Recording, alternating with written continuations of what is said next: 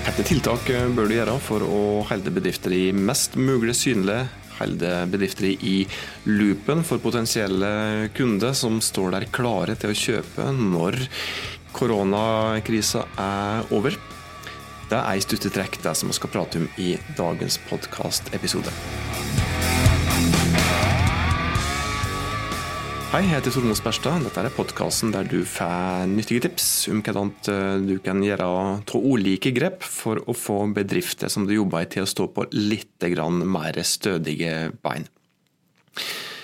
Og så har vi hatt også i innspillende stund, da, så er vi jo fremdeles midt i denne her koronasituasjonen. Som nå begynner å bli temmelig, temmelig ille for ordentlig mange. Jeg tenker jo da selvsagt på den rent personlige biten, først og fremst. Men denne podkasten handler jo om, da, om, bedrifter. Og svært mange bedrifter begynner nå virkelig å, å slite, altså. Og i de to foregående podkastepisodene så har vi prata om ting som du bør gjøre slik rent umiddelbart når kundene slutter å kjøpe fra deg pga. store dramatiske hendelser som f.eks. denne her krisa som vi er inne i nå. Så hvis du ikke har hørt på de to foregående episodene, så vil jeg anbefale at du, at du gjør det før du kanskje hører på denne episoden her. For i dag så skal vi ha en liten forlengelse av de forrige episodene, altså.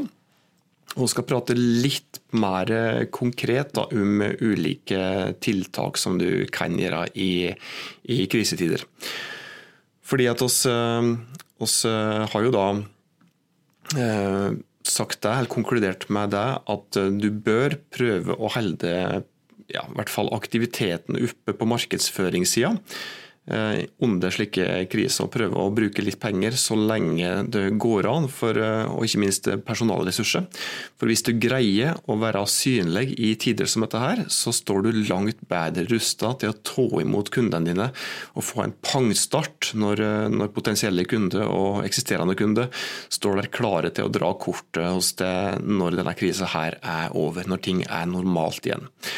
Fordi at sjekka det senest, senest, i dag, og jeg ser fremdeles det at folk googler som aldri før. De søker etter ferie, de søker etter opplevelse. De er rett og slett i modus for å researche alt det som de skal gjøre når krisa er over. Så de gleder seg jo bare til å ta fatt på normale dager ikke nødvendigvis slik at de gleder seg til å bruke penger, men de gleder seg til å bruke, eh, bruke, tid på opplevelse. Eh, bestille seg en ferietur, eh, ta seg en tur på konsert, ta seg et restaurantbesøk osv. Så, videre. så prøv å holde vannet over hodet, og det gjør du som aller best ved å prøve å holde markedsføringsaktiviteten oppe på et noenlunde greit nivå. Dette er kanskje ikke tida der du skal Det går jo selvsagt ikke an å bruke tida på å tid og penger på, på store mess og den type ting nå, for det er jo restriksjoner på dette her. Eh, men det som du i alle fall bør kunne greie å bruke litt tid og penger på, det er å jobbe litt med, med synligheten din og jobbe litt systematisk med det. Og Da er vi en gang inne på, på, på tiltaksnivåer.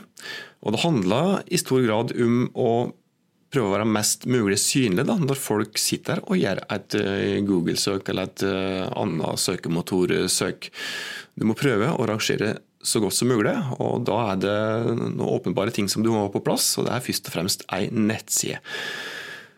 Og et helt klart tiltak da blir å jobbe med å få relevant trafikk inn på nettsida di. Du vil jo da ha mest mulig trafikk inn på nettsida di, men det er ikke bare det. Du må ha relevant trafikk. Du vil jo ha trafikk, besøkende som da er i modus for å kjøpe produktene dine, og ikke og minst mulig trafikk da, fra dem som ikke, ikke er i målgruppa di. Så som en del av da også jobber med å få relevant trafikk inn på nettsida di, så må du da først finne ut hvem målgruppa di er, hvis du ikke har gjort noe øvelse der allerede. Eh, hvis du har noen slike generelle tanker om det, så kan det nok hende at du òg bør eh, jobbe litt med å få en eh, mer detaljert målgruppebeskrivelse. For det vil være nyttig når du skal prøve å finne ut hva målgruppa di egentlig er interessert i å få av innhold på nettsida di, og ikke minst hvordan du skal kommunisere til målgruppa di. Du må da selvsagt finne ut eh, hva slags innhold målgruppa di aktivt leter etter og trenger. Og ikke bare aktivt, men eh, hvilke innhold de kan ha nytte av etter hvert. Når målgruppa di sitter i sofaen og googler da, i disse krisetider, så må du prøve å finne ut hvilke ord og uttrykk er det de bruker når de, når de sitter i en søkemotor og, og leter etter hva de skal gjøre når krisa er over. Eh, fordi at veit vet du ikke hvilke ord og uttrykk de bruker, så er det òg vanskeligere å lage godt innhold som er egnet til å tiltrekke seg relevant trafikk inn på nettsida di. Og Her er det ikke nok å synse. Du kan ikke bruke ord og uttrykk som du tror det er viktig å være synlig på. Du må bruke reelle ord og uttrykk som målgruppa di faktisk bruker. Det kan faktisk være en ganske stor mismatch mellom det som du tror er rett ord og uttrykk, og det som målgruppa di er. Eh, og Det betyr jo òg at du må gjøre en såkalt søkeordanalyse. Søkeordanalyse de kan være både enkle og ganske avanserte. og Greia her er at du bør være faglig kompetent for å gjøre en god søkeordanalyse. Eh, bruker du litt ressurser på det, så, så legger du en god grunnstein, eller en god stein i grunnmuren din for å kunne bygge god synlighet over tid. Når du har gjort det, så må du prøve å bygge godt innhold rundt eh, disse søkeordene, de uttrykket, og publisere det på nettsida di, eventuelt. Og kanskje like viktig, justere det innholdet du allerede har. For det kan jo godt hende at du har mye bra innhold på nettstedet ditt allerede. Eh, men at du kanskje med fordel kan eh, gjøre noen justeringer på det for å få det litt, litt opp i søkeresultatet i søkemotorene. Dette her også, det er altså eh, hvordan du skal lage godt eh, innhold på, på nettstedet ditt. Eh, hvordan du skal jobbe med, med søkeordoptimalisering er jo da et eget fag, som sagt. Og så kunne jo da hatt bare en ren podkast med utelukkende episoder med dette her temaet der, da. Men eh, vi må nesten liste opp noen flere tiltak. Altså Når du har jobba med å få innholdet ditt så godt som mulig, kanskje laga litt godt, eh, godt, nytt innhold, så må du jobbe med å spre innholdet ditt for å prøve å få trafikk inn så tidlig som mulig. Altså prøve å gi innholdet ditt eh, en liten boost. da. Og Det kan du gjøre f.eks. ved å dele et, eh, ja, en fagartikkel som du har publisert på nestet ditt. Dele det på sosiale medier som Facebook-sida di f.eks. Eh, legge det ut, eller informere om det på Insta og lenke til, til den fagartikkelen i, i bioen din på Insta. Eh, publisere en snap der du lenker til den samme artikkelen osv. Det er en slike ting som du kan gjøre for å spre innholdet ditt. Nyhetsbrev selvsagt er en del av den en del av den tiltakspakka som du kan bruke der.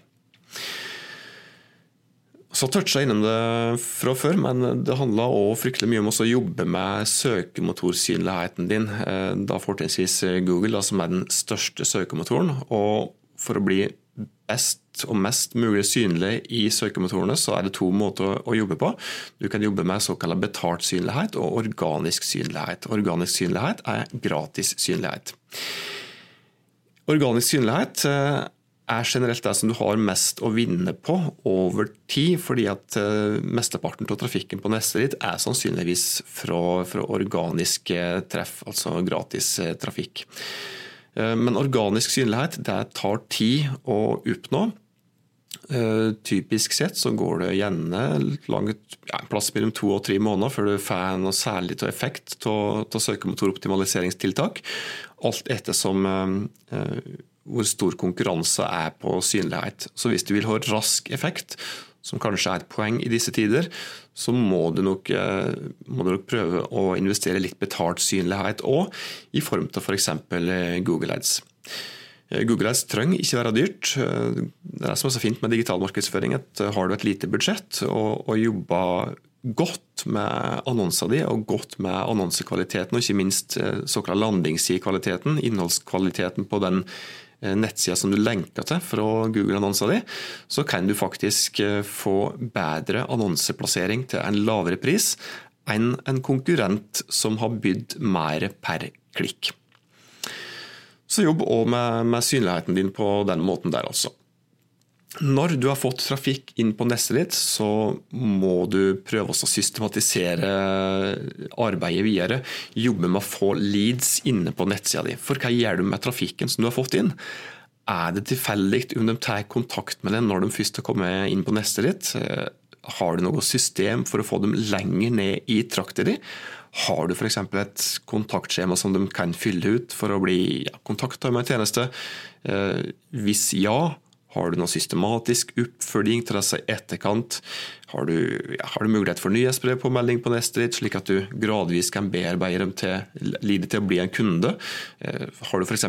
nedlastbare ressurser, f.eks. en slik gratis eh, PDF, e-håndbok f.eks. om et relevant tema, som du kan gi dem mot at de legger igjen mailadressa si, og på den måten bli et registrert lead.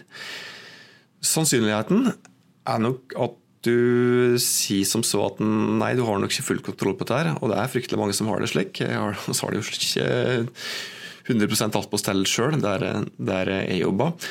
Og sannsynligheten er jo da òg stor for at det er mange som uh, går glipp av en del penger. Da. Du går sannsynligvis uh, glipp av en del omsetning når du ikke har et, uh, et, system på dette her. At du ikke jobber systematisk med å få leads og bearbeide leads som, har, som du har fått inne på nettstedet ditt. Det er altså jobbe systematisk med å få leads til å bli kunde. Det handler om flere ting. Du kan fortsette å gi dem godt eh, innhold. Når du først har lagt igjen mailadressa si, så har du da en gyllen mulighet til å ta kontakt med dem i etterkant, hvis de har gitt samtykke til at du kan drive med den type markedsføring. Her òg. Det er en hårfin balansegang. Du må, du må ikke være for salgsaggressiv her. Det har vi pratet om tidligere, at Du må ikke være for salgspushende på et tidlig stadie. Men fortsett med å gi leadsa dine nyttig innhold, ting som de vil ha. Send dem nyhetsbrev, send ut tilpassa budskap som du vet de vil ha. Dra dem gradvis ned i trakta di, slik at de blir en, en, en kjøpende kunde til slutt.